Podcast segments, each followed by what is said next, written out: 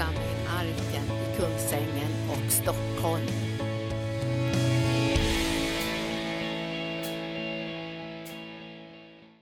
Tack Jesus för din närvaro nu och jag prisar dig Gud för det du ska göra idag. Och vi är så tacksamma att få tjäna dig. Vi är så tacksamma Herre att vi får lägga undan våra egna bördor för att bära din börda. Och vi vet Herre att din börda är lätt och ditt ok är milt.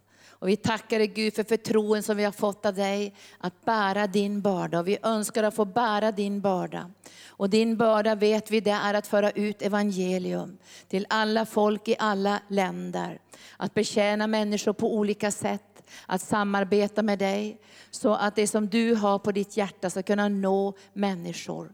Och vi vet ju Herre att alla människor har rätt att höra om Jesus. Varenda människa ut över den här jorden har rätt att veta att Gud har öppnat vägen till sitt eget hjärta, till frälsning genom sin son Jesus Kristus. Och det är en sån förmån för oss här att få sammankopplas med dig i det här korta livet här på jorden, att få föra ut evangelium. Och vi tackar dig Gud för det vi fick höra idag genom Torbjörn, att när vi söker ditt rike så tillfaller allt det andra oss. Det kommer in i våra liv som, som en gåva direkt ifrån dig. Därför vi tänker prioritera och överlåta oss till det som är, som är för dig Herre det allra viktigaste. Att människor ska kunna få höra om dig och bli betjänare av dig. Och vi får tid och kraft att sammanföra människor med dig så deras liv ska kunna bli förvandlade. Så kom helige Ande och hjälp oss också att göra rätta prioriteringar. I Jesu Kristi namn. Amen. Idag tänker jag fortsätta min undervisning. Om ni kommer ihåg för några gånger sedan så talade jag om utbrändhet. Och jag talade om en onaturlig trötthet. En trötthet som faktiskt inte går att sova bort. Även om man skulle sova flera veckor så skulle man inte få bort den tröttheten. Därför det finns en trötthet och en utbrändhet som är av ett demoniskt slag. Och när jag undervisade det så sa jag att djävulen han har kommit med stor vrede. Därför att hans tid är kort. Han har väldigt, väldigt kort tid nu. Och han försöker lägga på människor så många bördor av olika slag så att de inte ska orka tjäna Jesus. Och det var någon som sa så här, jag vet inte om det är rätt eller fel, den sa så här, nu för tiden får människor så mycket information eller tillgång till så mycket information så att man kan få lika mycket information på en dag som man förut fick på ett helt år. Och hjärnan är inte skapad för det här. Och sen skäl han också sömnen så att det blir ingen bearbetning. För hjärnan ska ju hjälpa till att bearbeta dagens händelser för långtidsminne och korttidsminne. Och det blir en djupare bearbetning. Så djävulen han är så vred nu, för han vet om att Jesus kommer snart tillbaka på himmelens skyar. Och Guds folk ska inte ha kraft och inte tid att vara ute där och vara inne i församlingen och betjäna människor och föra ut evangelium. Och där ska vi tala om idag. Hur, hur, vi, hur vi ska handskas med det här, vi som vet att Herren har kallat oss som det står i Markus 16, gå ut i hela världen, i alla världar, brukar ju Hans Augustsson säga. I sjukvårdsvärlden, i skolvärlden, i, i storköksvärlden, i all skolvärlden, i alla världar och förkunna evangelium. Lägg händerna på de sjuka och de ska bli friska. Kasta ut onda andar, tala i tungor, ta ormar i händerna. Alltså det betyder att du och jag får en auktoritet från Gud att förändra. För det står ju i Bibeln att vi ska trampa på ormar och skorpioner och vi ska kunna fördriva all fiendens härskara och den ska inte kunna göra oss någon skada. Lukas evangelium kapitel 10. Och för att du och jag ska få ett exempel i en allt mer stressad värld så måste vi se på Jesus. Och jag tänkte på vad som händer när man läser internet och man läser forskningsrapporter och allt sånt här. Så ser man ju att just stressen, oro, bekymmer, utmattning, uppgivenhet och förvirring präglar människor i vår tid. Och jag skulle kunna säga så här att det vore konstigt om det inte gjorde det. Därför vi har ju tillgång nu till all världens nöd. Har ni tänkt på det? Du kan sätta dig in och se hur de halshugger människor, hur de dödar människor, hur, hur barnen är helt blodiga och alla bomber, alla granater som faller. Du kan läsa all denna nöd ut över världen. Och Jesus har ju talat om det. Det ska bli jordbävningar på plats efter plats. Det ska bli rykten om krig och där folk ska göra uppror mot varandra. Det kommer att bli hungersnöder. Allt det här är förutsagt. Och det behöver vi, det, vi vet ju att det skulle kunna skapa både oro och stress, eller hur? Därför det här är fruktansvärda bördor.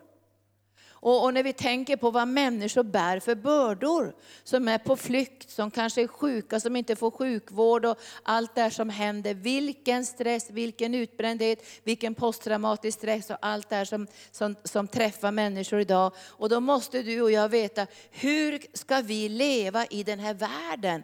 Går det att leva ett annat sorts liv? Och då behöver vi se på Jesus. Och det ska vi börja, börja läsa nu i Matteus kapitel 11. För mitt budskap idag heter så här, vi ska bära hans börda. Vår kallelse är att bära Jesu börda. Jag säger det igen, vi ska bära hans börda. Vi ska bära hans börda och vi behöver veta vad är hans börda. Vad är det för börda vi ska bära? Och vad är det för bördor vi måste släppa taget om? Så att inte vi ska vara så nedtyngda så vi inte klarar av det som Gud har kallat oss till. Och då säger Herren så här i Matteus evangelium, han, han, han, vi börjar läsa från versen 25. Vid den tiden sa Jesus, 11.25. Jag prisar dig far, himmelens och jordens Herre, för att du har dolt detta för de visa och kloka och uppenbarat det för små barn. Ja far, så var din goda vilja. Allt har min far överlämnat till mig och ingen känner sonen utom fadern. Inte heller känner någon fadern utom sonen och den som sonen vill uppenbara honom för. Och så säger Jesus i vers 28, kom till mig ni alla som arbetar och är tyngda av bördor. Kom till mig ni alla som arbetar och är tyngda av bördor. Om du bara går in på internet så kommer du att läsa mängder med förslag på stresshantering. Det finns appar som nästan man inte får bort på mobiltelefonen där man ska få hjälp med stresshantering. Det finns kurser i stresshantering och jag läste nu en kurs som jag blev bjuden till som kostade 7000 för en dag. Hur jag skulle bli en bättre chef och inte stressa. Men såklart fanns inte Gud med där. Det var någon annan eh, grupp som erbjöd den här kursen som en världslig företagskurs. Men Jesus säger, kom till mig. Kom till mig. Alltså han ropar ut det här, kom till mig. Därför om vi inte kommer till Jesus kommer vi inte klara av att bära den börda som vi måste bära. Och som vi är kallade att bära. Och den bördan heter hans börda. Hans börda. Och han har ju en börda, eller hur? Jag tänker ibland så här, hur orkar han bära den bördan? Jag tänker nu, nu vi är ju inte tusen stycken här idag.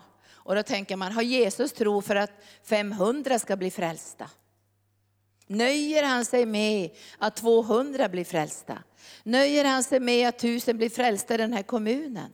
Vad är det för börda som Jesus bär? Vad är det för börda han bär? Han bär den bördan att alla människor ska bli frälsta. Om jag skulle bära den bördan utan Jesus skulle jag bli sönderstressad idag skulle bli sönderstressad. Jag skulle tänka, hur kan vi nå ut med evangelium? Hur når vi Indien, Kambodja? Hur når vi Nepal? Hur når vi Arken? Hur når vi ut i kommunen? Hur når vi överallt? Hur ska vi nå med det här? Och vi skulle kunna stressa ihjäl oss och börja läsa alla möjliga managementböcker. Tio steg till att få församlingstillväxt och tio steg att nå de ofrälsta. Och vi skulle kunna bli bara stressade att tänka på att människor behöver frälsning. Den bördan bär Jesus. Alla människor kan få frälsning och behöver frälsning. Vilken börda. Ha tänkt på det. Hur orkar han bära det? Och den andra bördan som Jesus bär är ju att alla människor ska få helande. Vilken börda! Alltså hans börda är att det ska bli frukt av evangelium. Så alla människor ska nås av en övernaturlig dimension av läkedom. Det är den börda Jesus bär. Och det står i Jesaja 53 att han vill se frukt av sitt lidande. Vilken börda han bär. Han önskar att alla människor ska bli befriade från droger, beroende, självskadebeteende, psykisk sjukdom. Den bördan bär Jesus. Hur orkar han bära den bördan? Tänk att vakna varje morgon i himlen och tänka alla människor ska bli frälsta. Och vad har jag för material att jobba med? Och så tittar han på skörden och så står det så här i Bibeln i Matteus 9. Skörden är stor men arbetarna är få. Och så säger han, då tittar han på skörden, illa riven och slagen och människorna är som får utan herde. Vilken börda han bär. Och jag tackar Gud idag för att det är han som bär den bördan. Alltså han bär den bördan. Han bär den tunga delen av det här och han ändras inte. Han vill att alla människor ska bli uppfyllda av den heliga Ande. Han vill att alla människor på hela jorden ska få tala i tungor. Det är hans vision. Vilken börda han bär. När han tittar på församlingen och ser, ja men det är många som inte talar i tungor. Det är många som inte är andedöpta. Det är många som inte ens flödar i den heliga Ande. Och igår på ett av mötena så kom det en flicka till mig, hon var helt förmörkad i ansiktet, det var fredag kväll. Och sa så här, jag känner ingenting. Jag har varit med på hela mötet men jag känner ingenting. Det är bara som en stort, stort mur på insidan i mitt liv. Jag känner ingenting fast jag är frälst, jag känner ingenting. Och jag sa så här, men vänta bara sa jag. Innan de här mötena är slut så kommer du att känna väldigt mycket. Så jag la handen på henne och sa, helige ande, hon ska känna. Hon ska känna din närvaro, din kärlek och din omsorg. Och sen så kom hon tillbaka på, på lördagen och så berättade hon för mig att hon hade drömt på natten att Gud hade sagt, du ska få en guldnyckel. Du ska kunna använda den här guldnyckeln för att öppna. För kanske framförallt ditt eget hjärta. Och sen bad vi för den tjejen och Guds ande föll. Och hon skrattade och hon tjöt och hon föll och hon låg på golvet. Och, och genom henne så löstes det ut det skrattet igår kväll. Genom den tjejen. Alltså hon fick möta Gud. Så hennes ansikte, hennes liv och hennes gudsrelation, allting var förvandlat. Men tänk att Jesus bär bördan att alla troende ska få profetera. För det står ju i Joels bok, era söner och era döttrar ska få profetera. Den bördan bär Jesus, att få se det här genombrottet. Att få se människor frälsta, människor helade. Den delen bär Jesus. Och så säger han så här, kom till mig, ta på er mitt ok och lär av mig. Ta på er mitt ok. Du och jag, vi går inte i ok med världen. Vi går inte i ok med, med synden. Vi går inte i ok med lagiskhet. Vi går i ok med Jesus. Det är med Jesus som du och jag går i ok. Och när du och jag blir frälsta så kommer vi in under det himmelska oket. Alltså vi går i ok med Jesus. Och när vi går i ok med Jesus så säger han att vi ska bära hans börda. Och det, vi kommer inte undan från det här att vi ska bära Guds börda. Vi kan inte entlediga oss själva och säga, men du får ta någon annan som människor ska bli frälsta. Och du får ta någon annan som ska be för de sjuka. Nej. Utan du och jag går i ok med Jesus, men han bär den tunga bördan, tack Jesus. Och därför försöker mörkrets makter att lägga på oss alla möjliga bördor. Så att vi inte ska ha kraft och tid och prioriteringar så vi ska kunna tjäna Jesus. Vet du att tiden är kort och Jesus kommer snart tillbaka. Du går i ok med Jesus och han säger så här, ta på er mitt ok och lär av mig, för jag är mild och ödmjuk i hjärtat. Och när man ser hur Jesus lever här i världen så tycker jag att han lever utan stress. Fastän hans önskan är att alla människor ska bli frälsta, alla människor ska bli helade, alla människor ska bli befriade, alla sargade hjärtan ska helas, så är han inte fylld med stress, uppgivenhet, utbrändhet, och, och, allt det här, så, och bördor så att han klagar hela tiden. Utan han har gjort sig beroende av Gud. Och han säger så här, sonen kan inte göra någonting annat än det han ser fadern göra. Så Jesus såg ju vad fadern höll på med och kopplade ihop med fadern. Och det är det här som han kallar för den lätta bördan. Att vi får koppla ihop med den heliga Ande och göra det som Gud har lagt i våra liv. Och det är ganska underbart att vi är många då. Då behöver du och jag inte göra allt, utan då kan vi göra det som Gud har lagt i våra liv. Och så kopplar vi ihop med andra och så får Jesus en kropp i funktion. Och det här såg jag i Uppsala igår. Lovsångarna, förebedjarna, de som sålde böcker, de som hade hand om serveringen, de som gick runt och hälsade på människor, de som samlade in till kollekterna, de som vakar över saker. Vi var som en enda man fast vi var många. Och det gjorde också att vi kände sån ofantlig tacksamhet och glädje. Inte bara över Jesus utan också över varandra. Och Jesus säger så här, ta på er mitt ok och lära mig, för jag är mild och ödmjuk i mitt hjärta.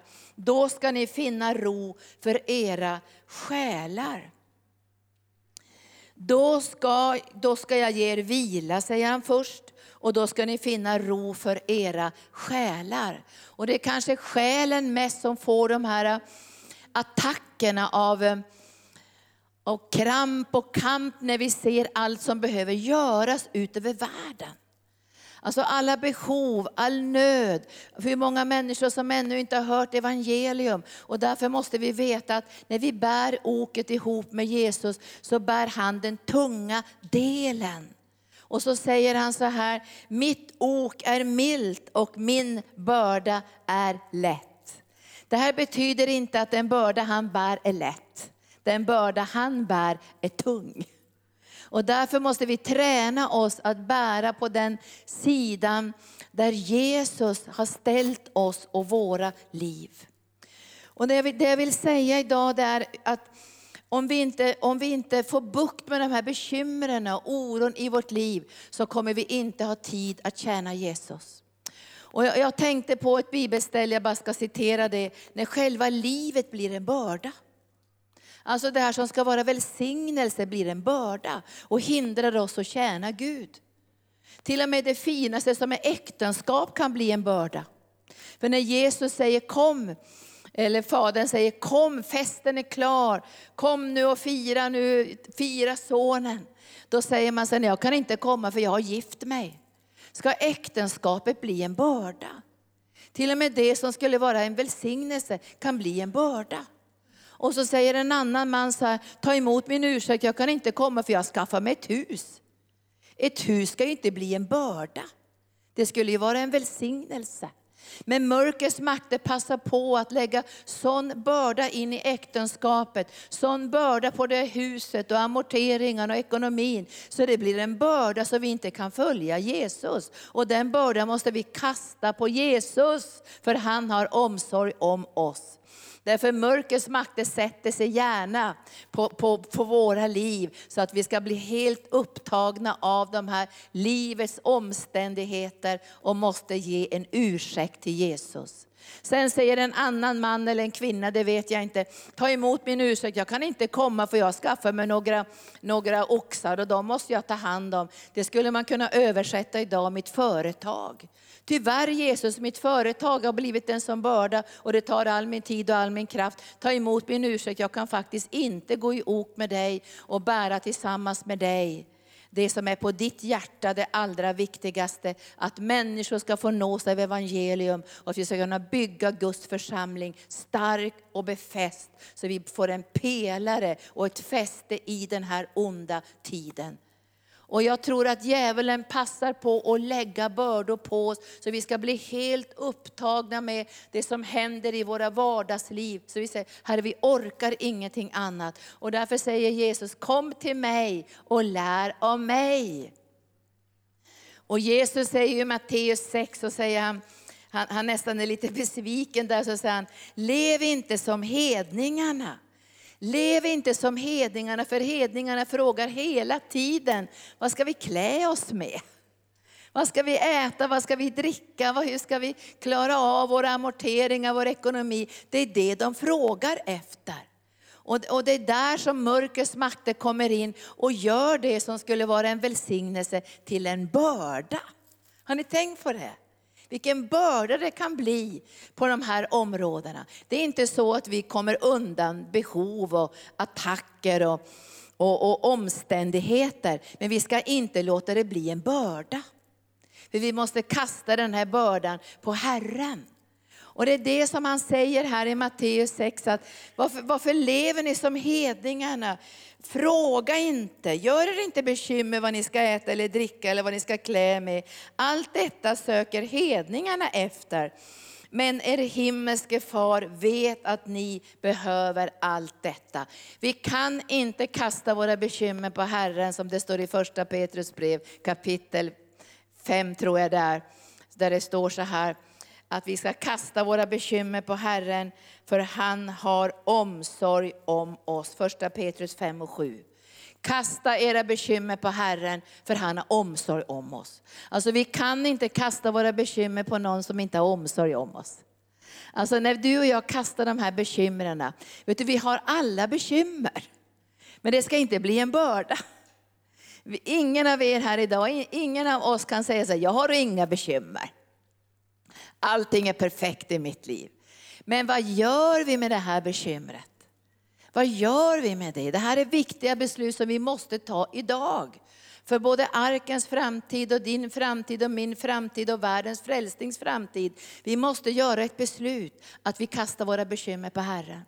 Det betyder inte att du slänger ut dina räkningar ut genom fönstret. Det är inte riktigt så. Det var en man i Kungsängen som ringde till pastor Gunnar när han var ung präst här och sa att jag står på högsta våningen här i fönstret och kastar mig ut. Ta livet av mig. Frågade pastor Gunnar, varför vill du ta livet av dig? Jag har för mycket räkningar, sa han. Så jag orkar inte leva något längre. Och pastor Gunnar var en ung präst där och så sa han så här, släng ut räkningarna. De kommer nog tillbaka nästa vecka. Jag vet inte om han kastade ut räkningarna. Säkert kanske han gjorde det för att han blev så desperat, men de kom ju tillbaka från inkasso sen. När du kastar bekymret på Herren, så är det någonstans som du säger, jag litar på dig Gud. Att kasta bekymret på Herren handlar inte om att du bara struntar i saker. Det handlar om att ge Gud utrymme, ge Gud auktoritet, få del av hans visdom, hans kärlek och hans omsorg och vägledning genom den helige Ande. Därför han har omsorg om oss.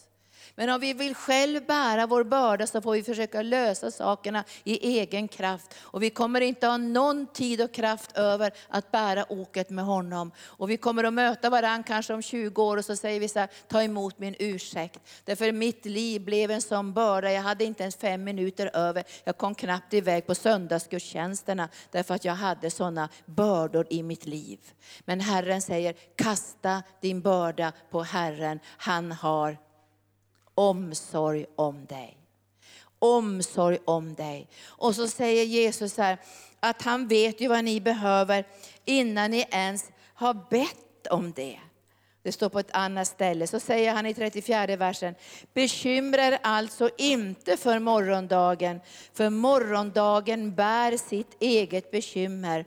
Var dag har nog av sin egen plåga. Och det som Gud säger till oss idag det är att vi ska inte dra in morgondagens bekymmer i vår tid nu. Alltså börjar vi bära bekymren för morgondagen så kommer vi att bli otroligt tyngda. Vi måste ge våra bekymmer för morgondagen till Herren och lita på att imorgon så är han med oss och bär det här. Och vi får kasta vårt bekymmer på Herren, för han har omsorg om oss. Vilket fantastiskt löfte. Och så får vi gå i ok med Jesus. Alltså det här är som ett privilegium. Och jag, jag gick och tänkte på människor i Bibeln som var utbrända. Det finns många människor i Bibeln som var utbrända. Och det hände någonting i den här utbrändheten, man började tänka och tala på fel sätt. Se upp hur du tänker, se upp hur du talar. Man kan läsa i, i, i, i bland annat ifrån första kungaboken kapitel 18 och kapitel 19 om Elia. Elia var ju en fantastisk gudsman. Och, och, han hade ju, men man kan, när man läser om honom så har han liksom en, en ensamhet på något sätt. Han tänker att, att han, han står ganska ensam, så han säger, det finns inga här omkring mig, inga, alla andra har böjt knä för bal. Så han fick en sån här ensamhetskänsla. Men det fanns ändå en väldig kraftfullhet över den mannen. Och ni kan ju läsa ifrån från, från Bibeln här i 18 kapitlet hur han bygger upp det här altaret och utmanar Balsprofeterna och elden faller. Ni vet, det är helt fantastiskt. Men så händer någonting i hans liv. Alltså jag tror att han, alltså han känner sig otroligt utmattad efter en utmaning som han har stått i. Och där kan man se liksom att Jesus stod ju också i väldiga utmaningar, gång på gång på gång, i sitt andliga liv när han gick här på jorden. Det var ju demoner som manifesterade sig, det var fariséer och skriftlärare som attackerade honom. Och, ja, ni vet ju allt det som fanns i hans liv på dessa korta tre år. Men vad var det han prioriterade?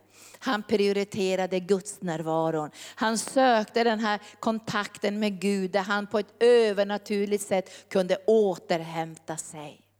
Och det här ser vi också vid Sykars brunn. Jesus var trött efter vandringen. Han väntade på att lärjungarna skulle hämta mat åt honom. Och så fick han den övernaturliga smörjelsen i den helige ande och en återhämtning. När du och jag är i ok med Gud så kan jag lova dig idag att det finns en plats för återhämtning. Det finns en övernaturlig plats i den heliga Ande där du kan få den här övernaturliga återhämtningen som inte handlar om att vi har ätit rätt eller motionerat, även sånt är viktigt. Jag talar om den här övernaturliga återhämtningen. Alltså när du har smakat på den så är det väldigt speciellt. Och när Jesus satt där vid brunnen så kom bara den här övernaturliga smörjelsen över Jesus och han kunde betjäna den här kvinnan. Och när lärjungarna kommer tillbaka så frågar de, Jesus vem har gett dig mat? Och, han bara skiner i ansiktet och strålar av Guds härlighet. Och de undrar vad i all världen, vad har hänt med honom? Och vad svarar han? Min mat är att göra hans vilja som har sänt mig. Det fanns en plats av återhämtning. Och jag vet idag, jag måste bara säga det till er, jag tror det finns ingen plats för återhämtning om inte vi är villiga att bära hans ok.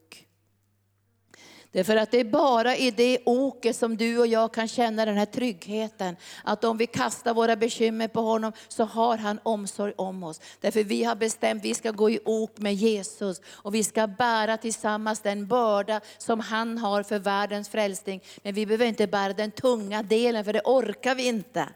Jag tänkte nu när Göran berättar om hur flickorna, 22 flickor ligger där på, något, på ett golv som inte ens är färdigt och de får laga sin mat eh, i något litet kärl på golvet. Så tänker man vilken, det var en väldig börda.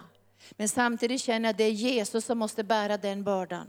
Och nu vill inte jag förenkla det här och, bli, och liksom göra det här till en löjlig grej, men jag tror att du och jag bär den lätta bördan och vi skulle till och med kunna säga gottepåsen. Alltså vi bär smörjelsen att föra ut evangelium med Guds kraft. Vi, vi får lägga händerna på de sjuka, vi får sätta tro till Guds löften. Och jag tror att det här, den här sidan där du och jag bär tillsammans med Jesus det här oket, det är inte tungt på det här sättet så det bryter ner oss, gör oss utbrända och utmattade. Utan det finns en viloplats i det här oket för en övernaturlig återhämtning. Och när vi läser då om Elia så var ju han i en otrolig andlig kamp. Och jag vill säga till er idag att jag tror vi kommer in i en andlig kamp. När vi hade Open Door här innan Göran åkte till Indien så berättade de om förföljda kristna utöver världen. Det är sådana hemska berättelser att man nästan inte orkar lyssna på det. Därför är det tär på ens innersta att lyssna på denna otroliga utsatthet som människor har utöver världen. Visst är det så? Vi kommer in i en andlig kamp i det andliga där vi kommer utmana Balsprofeter och kulta krafter. Guds eld kommer att falla från himlen. Och då måste vi vara så medvetna om, vi måste till platsen av återhämtning i den helige Ande. Och Elia han glömde ju bort det. Så han blir så fruktansvärt trött då. När han, när han är trött efter den här otroliga kraftmätningen med ondskans makter, så står det att han får fruktan. Han, det bara, han bara fylls med fruktan. Hur kan han fyllas med fruktan, han som har varit med och, och gjort om inte ett hundratals balprofeter och Aserans profeter? Hur kan han plötsligt få jättestor fruktan? Jo, det, kan komma så här som ett spjut in i våra liv av en fruktan och en oro. Kommer Gud att omsorga mig? Kommer han att bry sig om mig? Kommer jag klara det här? Jag har ställt mitt liv till Guds förfogande och nu har jag jättestora behov i mitt eget liv. Kommer jag klara det här? Och han fylldes av en sån fruktan så han flydde. Elia flydde. Och han hamnade ut i öknen. Och han sa till sina medarbetare, lämna mig här. Väldigt farligt ställe. Och jag säger så här, om ni skulle känna en känsla av utbrändhet och trötthet, dra er inte undan. Gå inte ut i öknen. Kom ännu närmare. Gå på fler möten än ni någonsin har gjort. Sök den helige Andes närvaro, för då finns det förebedjare. Och Bibeln säger ju så här, ni som är starka ska bära de svagas bördor. Förebedjare. Bär varandras bördor så uppfyller ni Kristi lag. Alltså vi måste bära varandras bördor i förbönstjänsten och vi måste bära dem till Jesus. Och skulle ni känna någon gång sådär, jag bara känner mig trött, jag bara känner mig utbränd, jag tror jag drar mig undan. Gör inte det, kom ännu närmare. Be trossyskonen om förbön, be om hjälp att kunna lyfta av den här bördan och lägga den på Jesus Kristus. Bär inte bördor av sjukdom och nöd, ensamma omständigheter. Vi har fått varandra i Guds församling. När jag är stark så kanske du är svag och när jag är svag så är du stark. Och så bär vi varandras bördor och så uppfyller vi Kristi lag och så bär vi dem till Jesus. Ibland kan man vara så tyngd av någonting som man inte ens förmår att kasta bördan på Jesus. Man måste ha någon annan som finns där och kastar den här bördan på Jesus. Och han drar sig undan i öknen och då börjar han bli så förvirrad Elia så han börjar be jättekonstiga böner. Ni kan läsa det om ni vill, vilken konstig bön han ber. Han säger så nu orkar jag inget mer. Nu vill jag gå hem till himlen. Och igår, igår kväll när jag stod inför folket i Uppsala så tänkte jag på ett bibelställe där det står så här, ni som är äldre ska, ska, få, ska få förnya nya skott. För att förkunna för den unga generationen att Gud är trofast. Och jag tänkte, vem hade velat ha Elias mantel när han låg under ginsbusken i öknen? Tror ni att den unga generationen hade gått förbi och sagt, Åh, vilken stor ledare som ligger där under ginsbusken och vill dö. Ska vi ta hans mantel? Vet du, jag tror ingen hade velat ha den manteln ens. De hade nog lagt den på honom och sagt, det får bli hans begravningsklädnad, hej då. Därför Gud hade ju en plan för Elia. Han hade en plan för hans framtid. Och ni kan läsa vidare att Gud tittar inte på Elia och sa, här ligger Elia jättetrött efter kampen, han får väl gå hem till himlen nu. Gud hade en plan med Elia, eldsvagnen, halleluja, det skulle bli en eldsvagn. Och därför säger Gud till Elia, nej, nej, här ska du inte ligga. Utan han ger honom övernaturligt vatten vatten, övernaturligt bröd, för att han ska springa ända till berget Horeb och där ska han möta Gud ansikte till ansikte i en andlig kärleksrelation och få den här återhämtningen. Ni kan, ni kan ju märka sen vilken iver det finns i Elia. Där han möter Elisa, den nya generationen, så tar han manteln och bara slår till Elisa på ryggen. Och Elisa han vänder sig om och vem är det här? Det är profeten. Och då säger ju Elia till Elisa, för Elisa säger, kan jag få åka hem och ta farväl av min familj? Ja det kan du göra, säger Elia, men glöm inte vad jag har gjort med dig. Så lämnar Elisa allting för att följa Herren. Och man kan se att han får en sån längtan efter smörjelsen. Så i slutet av Elias liv så säger han så här, jag vill ha en dubbel smörjelse. Jag vill ha en dubbel smörjelse av det som, jag vill ha mer av det som jag ser över ditt liv. Och det här är en bön som vi har, jag vill ha mer av det som finns över Jesus. Jag vill ha mer av den vilan, den friden, den utmaningen, den omsorgen, den kärleken, den kraften som gör att Jesus kunde säga till en död, kom ut. Att Jesus skulle kunna säga till en lam, res dig upp. Att Jesus skulle kunna lägga sin hand på en blind och den blev fullständigt helad. Så levde Jesus i den här världen och ger oss ett exempel. Och han måste ha fått återhämtning. Eller vad säger ni? Det måste ha funnits en plats för återhämtning för Jesus. Och det här ser vi tydligt på förklaringsberget. När Jesus får, få visa lärjungarna sin kontakt med den andliga världen och all den härlighet som fanns närvarande. På samma sätt kan man se Moses. Jag läste om Moses i morse. Och Moses, han, han, fjärde Moseboken 11 och 11, så säger Moses så här till Gud, jag orkar inte bära bördan av allt detta stora folk. Jag orkar inte Gud, du får döda mig. Det var Moses. För han, han, han tänkte så här, ja, men jag får bära hela den här bördan. Du kan inte bära bördan för alla människor i Nepal som ännu inte är frälsta. Vi kan inte bära bördan för alla människor i Indien som inte är frälsta. Vi kan inte bära bördan för alla som inte är frälsta här i Kungsängen och i Sverige. Den kan bara Jesus bära. Och när Moses börjar säga så här, jag kan inte bära den här bördan för det här jättestora folket. Jag tror att jag vill dö, säger han. Jag, jag orkar inte med det. Då, när han säger det, då kommer Gud med en lösning som faktiskt är nytestamentlig. Han säger så att du ska inte bära den här bördan ensam.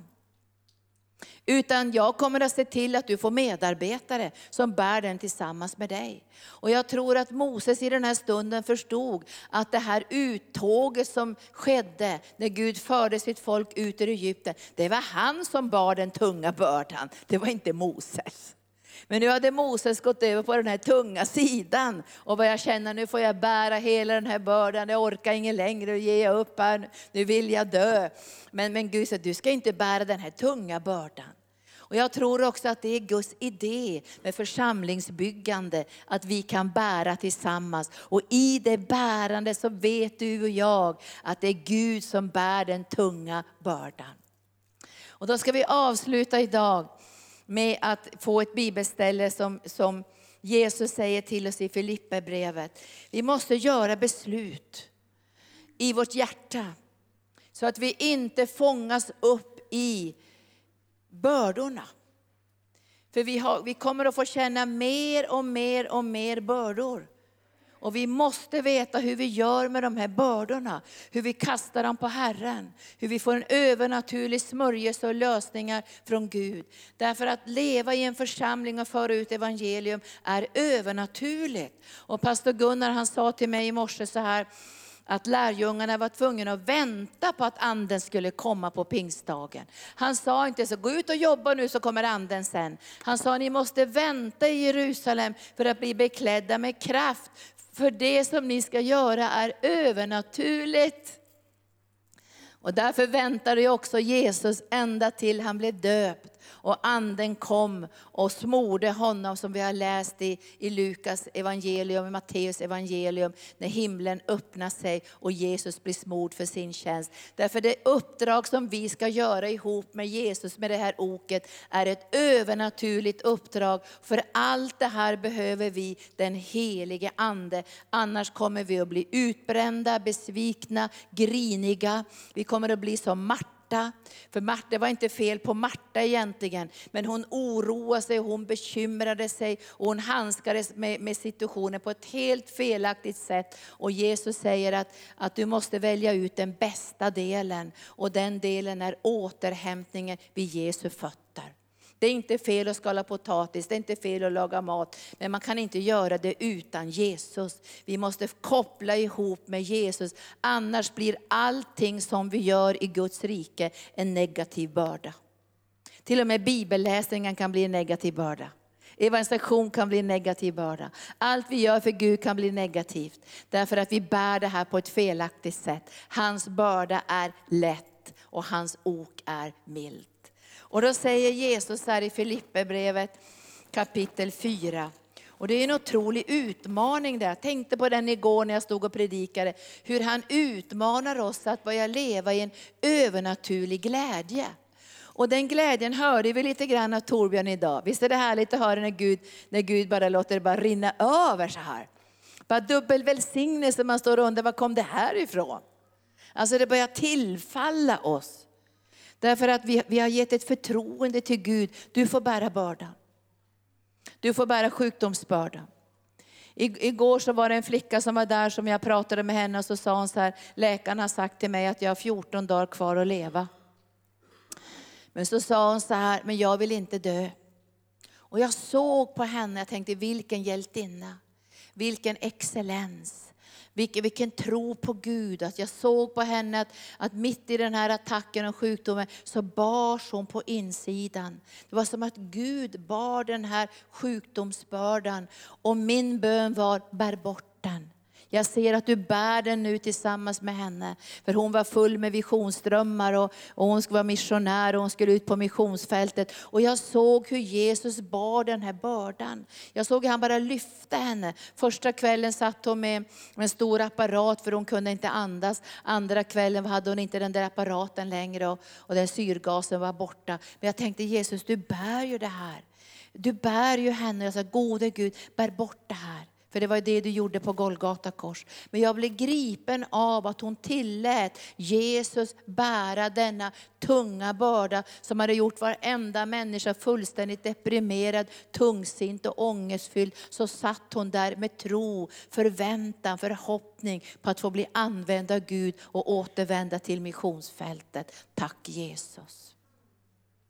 Jesus säger så här, gläder alltid i Herren. 4 och, och eh, um, 4. Gläd er alltid i Herren. Gläd er alltid i Herren. Det betyder i alla omständigheter kan du och jag glädja oss. Mitt i krig, mitt i förföljelse, mitt i ja, vilka situationer som helst. Därför vår glädje är i Herren. Därför vi är i ok med Gud. Tänk varje dag, du är i ok med Gud. Du är inte fri på det sättet jag gör vad jag vill. Utan du är i ok med Gud. För att under de här korta åren som du lever här i världen, samarbeta med Jesus. Och då behöver du och jag se att allt det här andra, företag och hus och hem och äktenskap, det ska inte vara en tyngd, utan det ska vara en välsignelse. Så du behöver aldrig någonsin säga, Gud ta emot min ursäkt. Gläd er alltid i Herren. Än en gång säger jag, gläd er. Varför ska vi glädja oss i Herren? Det säger han i nästa rad här. Låt alla människor se hur vänliga ni är, för Herren är nära. Vår glädje har sitt fäste i att Gud är Herren den närvarande. Alltså att han är mäktig i alla situationer som du och jag går igenom, att bära vår börda. Och därför måste vi kasta vår börda på Herren, för han har omsorg om oss. Och det här är beslut som vi måste göra, så inte vi blir helt tyngda och nerpressade av saker som sker. För ibland skulle jag tänka så, åh gode Gud, låt det inte vara något problem i familjen, låt det inte vara något problem i församlingen, låt det inte vara något problem, låt allting vara bara halleluja, oljad väg med rosor som vi kan vandra på. Men vi lever i en värld av konfrontation och mörker, av sjukdom och nöd. Vi lever i sådana, vi kommer att komma in i ännu större utmaningar i den yttersta tiden. Men vi ska inte bära den tunga delen. Vi ska bära den lätta delen av oket. Jesus bär den tunga delen. Och bär vi den så kommer vi inte orka att tjäna Herren. Och då säger Jesus här till oss, bekymra er inte för någonting. Bekymra er inte för någonting. Och vi tänker så att vi skulle kunna bekymra oss för alla möjliga saker idag. Kan bekymra dig för barnbarnen, bekymra dig för dina barn, bekymra dig för ekonomin, bekymra dig för relationerna, bekymra dig för det ena och det andra. Du skulle kunna räkna upp kanske fem, sex olika anledningar till bekymmer idag. Och det är ganska bra att man får sätta ord på de här bekymren. Att man får säga, det här Gud är mitt bekymmer. För du kan inte kasta något på Jesus om du inte vet vad du kastar. Och därför är det bra att formulera sig. det här Gud är mitt bekymmer. Jag har bekymmer i det här området. Det här bekymrar mig Gud. Min ekonomi, relationer, det bekymrar mig det här att jag känner mig så utbränd och trött och, och orkar ingenting och har tappat lusten för bibelläsningen och allt det. Det bekymrar mig. Och det bekymrar mig att jag börjar prioritera andra saker än dig. Att jag har börjat ursäkta mig hela tiden, jag kan inte komma Gud för det ena och det andra. Det bekymrar mig Gud. Men vad gör vi med det bekymret? kastar det på Herren. Vi kastar det på Herren. Och då säger han så här, gör er inga bekymmer, men bekymra er inte, utan nu ska ni vända bekymringarna till önskningar. Därför bekymmer, förstår ni, det har en tendens att föröka sig. Bekymmer har en tendens att förstora sig. Bekymmer har en tendens att växa till, därför bekymmer har sin källa hos mörkret. Och därför så säger Bibeln, gör er inga bekymmer. Låt inte bekymret uppta ert innersta. Och därför säger Gud, kasta bekymret, kasta bekymret, kasta bekymret på mig. Ni måste göra, släppa, släppa, släppa taget om det här bekymret, för annars kommer det bli en sån tung börda. Och det här behöver man ibland göra flera gånger om dagen, har ni märkt det? Flera gånger om dagen får man göra det. För man har inte bara bekymmer för sig själv, man har bekymmer för alla möjliga andra människor också. Bekymmer för människors beteenden, deras livsstil och deras val. Och de går ut och använder droger och lämnar församlingen och gör någonting världsligt. Alltså man, man bär ju bekymmer, men man kan inte bära dem på ett felaktigt sätt. Man måste kasta dem på Herren och tänka i de här processerna. Gud har inte bara omsorg om mig, han har också omsorg om de människor som jag ber för. De människor som Gud lägger ner i mitt liv. De människor som, ber att jag, som Gud vill att jag ska bedja för och vara förböns, i förbönstjänst för. Gud har också omsorg om dem. Visst är det bra att tänka så. Och sen säger Herren så här, ni ska, inte, ni ska vända bekymren till önskningar. Och, och önskningar har ju sitt fäste i Guds ord, eller hur? Så när du och jag börjar göra önskningar, då måste vi utgå ifrån Guds löften. Alltså vi måste börja säga, tack Gud för ditt löfte. Det finns ett löfte bakom varje bekymmer. Alltså bakom varje bekymmer som du och jag kan kasta på Herren, så finns ett löfte. Om vi har ekonomiska bekymmer så säger Herren, jag ska möta alla dina behov med mitt överflöd och med min rikedom.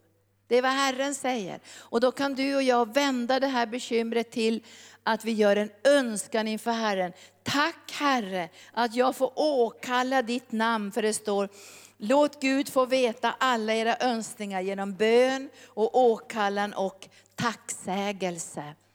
Då händer det någonting det kommer en återhämtningsplats när vi har kastat bekymren på Herren. Vi har kommit in i en smörjelse av bön, åkallan och tacksägelse. Då infinner sig någonting som är det ljuvligaste av ljuvligaste som Bibeln kallar Guds frid. Guds frid. Guds frid. Och när du och jag kommer in i Guds frid, då först kan vi börja ta emot ledning från Gud. Då först kan Gud tala och säga, gör så här. Så här ska du tänka, här går vägen, det här är min visdom, det här är lösningarna. Då kan Gud börja tala in i situationen därför att du och jag har gett honom utrymme. Och vi har gett honom förtroende att han har makt att bära det du och jag inte orkar bära. Jesus säger till genom Paulus så här, då ska Guds frid som övergår allt förstånd, det övergår allt förstånd. Så när vi tänker så här, hur ska det gå Gud, det här kommer inte att gå, det här är helt omöjligt och Gud kan du lösa det, jag behöver ett mirakel. Så vårt förstånd kan protestera. Men det finns en frid som är djupare än vårt förstånd. Det är den gudomliga platsen för återhämtning och vila hos Jesus. Halleluja. Visst vill vi till den platsen? Alltså vi ska till den platsen. Vi ska ha erfarenhet från den platsen. Vi ska leva mer och mer i den platsen. Vi ska återvända under dagen till den platsen. Vi ska känna igen det sjätte steget. Jag och Emma vi talar om det här sjätte steget. Ni vet att David offrade var sjätte steg när han skulle bära arken till Jerusalem. Och du och jag måste känna igen under dagen det här sjätte steget. När bördor och tyngd kommer in i vårt liv, då stannar vi upp och säger, jag kastar bördan på dig nu Herre, för du har omsorg om mig. Och jag vet Herre att du har en lösning, du har en utväg och du har hjälp. Kom med ditt ord just nu Herre, så jag kan åkalla och be och tacka utifrån ett löfte. För du Herre är min försörjare, du är min herde, du är Herren den närvarande, du är Herren min läkare och du är mäktig att bära den här bördan och den ska inte förstöra mitt liv. Och så säger Herren så här att Guds frid som övergår allt förstånd ska bevara era hjärtan och era tankar i Jesus Kristus. Så Gud ska bevara våra tankar och våra hjärtan på den rätta platsen hos Jesus. Och när det bevaras hos Jesus så kan jag lova dig att Gud kommer att tala till dig genom sina löften. När du vilar där i hans, mot hans hjärta så kommer han att säga, var inte orolig, jag är med dig. Vi kommer igenom. Det här kommer att gå bra. Jag står på din sida, jag kommer aldrig lämna dig och aldrig överge dig. Och så kommunicerar Gud in i ditt liv. Bortom allt förstånd, bortom alla tankar, bortom allt där. Det kommer inte att gå. Och det står ju att tron har den här kvaliteten att den hoppas på det som inte går att hoppas på. Det står när allt hoppar ute så hoppades Abraham och trodde. Alltså det fanns kvaliteter som var bortom det naturliga. Och du och jag är kallade att leva i en övernaturlig dimension genom den helige Ande och bära himlens ok på våra axlar. Tänk att du och jag har fått den här nåden att bära himlens ok och bli delaktiga i den största räddningsplanen någonsin som rör hela världens frälsning. Och Jesus bär den tunga delen. Och så börjar han dela med oss det som vi orkar, det som vi ska göra, det som jag ska göra och det som du ska göra och det som vi ska göra tillsammans. Det delar Jesus. Men det kommer inte att bli någon sån här tung nedåtgående spiral utan vi kommer att lyftas upp från tro till tro, från härlighet till härlighet och från kraft till kraft. Till sist så säger Herren så här genom Paulus, för övrigt bröder, allt som är sant, allt som är värdigt, allt som är rätt och rent, allt som är värt att älskas och uppskattas, allt som kallas dygd och förtjänar beröm. Tänk på allt sådant. Då har ni lärt och tagit emot och hört och det som ni har hört, lärt, tagit emot och hört och sett hos mig, det ska ni göra. Då skall fridens Gud vara med er. Så idag så tänkte jag så här att vi ska formulera lite bördor här om ni har privata bördor och sen ska vi bara kasta dem på Herren. Han är bra på att ta lyra. Han tar emot dem här. Och varför han säger kasta beror ju på att bördor har en tendens att återvända, att trycka till oss, att förorena oss, att ta ifrån oss glädjen och föra oss ut i utbrändhet och trötthet. Men vi ska lära oss varje dag, Gud du bär den tunga delen, jag får bära den lätta delen. Så kom nu heliga Ande och hjälp oss att formulera idag, både på ledarnivå och på privata nivån, de bekymmer och oro och bördor som vi bär på ett felaktigt sätt. För vi önskar inte att stå som Moses en dag önskade att vi skulle dö.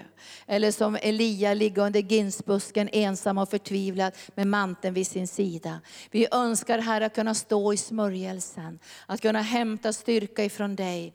Att få erfarenhet av den övernaturliga återhämtningen som kommer genom den helige Ande.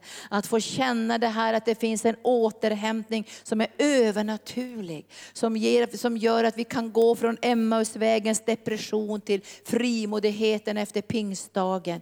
Vi ser Herre att du kan göra någonting som du gjorde i Peters liv från uppgivenhet och förnekelse till frimodighet och villighet att dö för ditt namns skull. Var kom allt detta ifrån? Det kom från den helige Ande. Och jag ber dig nu Herre att vi ska få hjälp att formulera bekymmer som har tyngt ner oss. Så vi kan kasta dem på dig idag. För när vi kastar dem på dig Herre idag så är det i förtroende på att du har omsorg om oss. Vi vill tala om för dig Herre att vi vet att du har omsorg om oss. Och därför kan vi kasta vår börda. Vi kastar den inte i skogen, vi kastar inte ut den genom fönstret, vi, vi slänger inte ut den på soptippet, vi förnekar inte vår börda, men vi kastar den på dig. För du har omsorg om oss. Och därför ber Gud vi ska få hjälp att formulera det som vi just nu bär på insidan och det som ger också ursäkter att vi känner att vi orkar inte gå i ok med dig för vi bär så mycket bördor för alla möjliga saker i det naturliga. För hus och hem och mat och kläder och, och, och barn och barnbarn och arbete och företag och allt vad det är.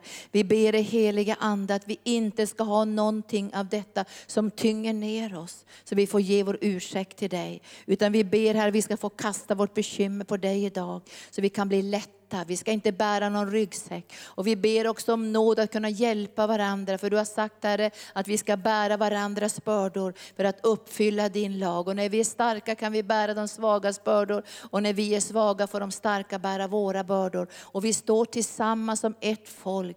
Och vi har överlåtit oss till dig och överlåtit oss till varandra. Och vi ber dig helige Ande att du för hela församlingen in i en plats av vederkvickelse och återhämtning församling. Så vi kan tjäna dig med glädje och med tacksamhet i våra hjärtan.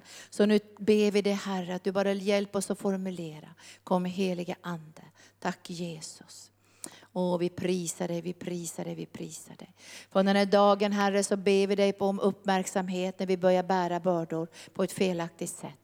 Bara peka på det från den här söndagen Jesus. Säg nej, nu bär du bördan på ett felaktigt sätt. För vi lämnar den till dig. Påminn oss Herre, även om det är fem, sex gånger om dagen, så bara påminn oss Gud. Vi tänker inte bära bördor på ett felaktigt sätt. För då vet vi att djävulen är där för att förstöra våra liv och bryta ner våra liv och förorena oss och sarga oss på insidan. För vi är inte skapade till att bära bördor på det sättet. Men vi, var, vi är i ok med dig Jesus och vi älskar det här oket. För då vet vi att du bär den tunga delen, både världens nöd och evangelium som ska ut till alla folk. Men du bär också våran privata börda, församlingens börda. Allting bär du på din del så att vi ska kunna bära den här ljuvliga delen av oket och stå till ditt förfogande, flöda i den heliga Ande, be för sjuka, föra ut evangelium, bygga din församling utan att bli trötta och utan att bli utmattade. Vi vet här att det här låter nästan som fantasier, men vi har läst ditt ord här och vi vet att det här är ett liv som du har kallat oss till. Och därför gör vi så här idag att vi bara övar oss nu Herre, att vi kastar vårt bekymmer på dig. Vi kastar sjukdomsbörda på dig, ekonomiska problem på dig. Vi kastar problem för barn och barnbarn på dig. Vi kastar relationsproblem på dig.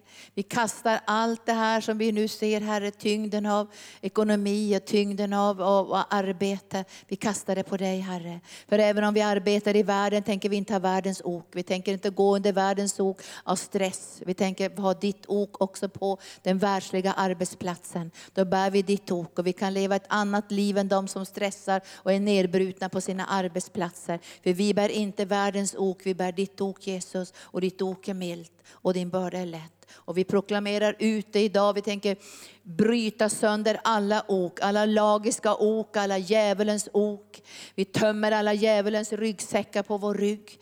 Vi, vi bryter sönder det här smutsiga oket som djävulen vill föra in oss i. Vi hugger av varje kraft i de här oken i Jesu namn. För oket ska brytas för smörjelsens skull. Och det enda ok som vi tänker bära det är Kristi Jesu ok. Och det tar vi med glädje glädje över våra axlar. För det är en förmån Jesus att få tjäna dig i den yttersta tiden. Kom helige Ande.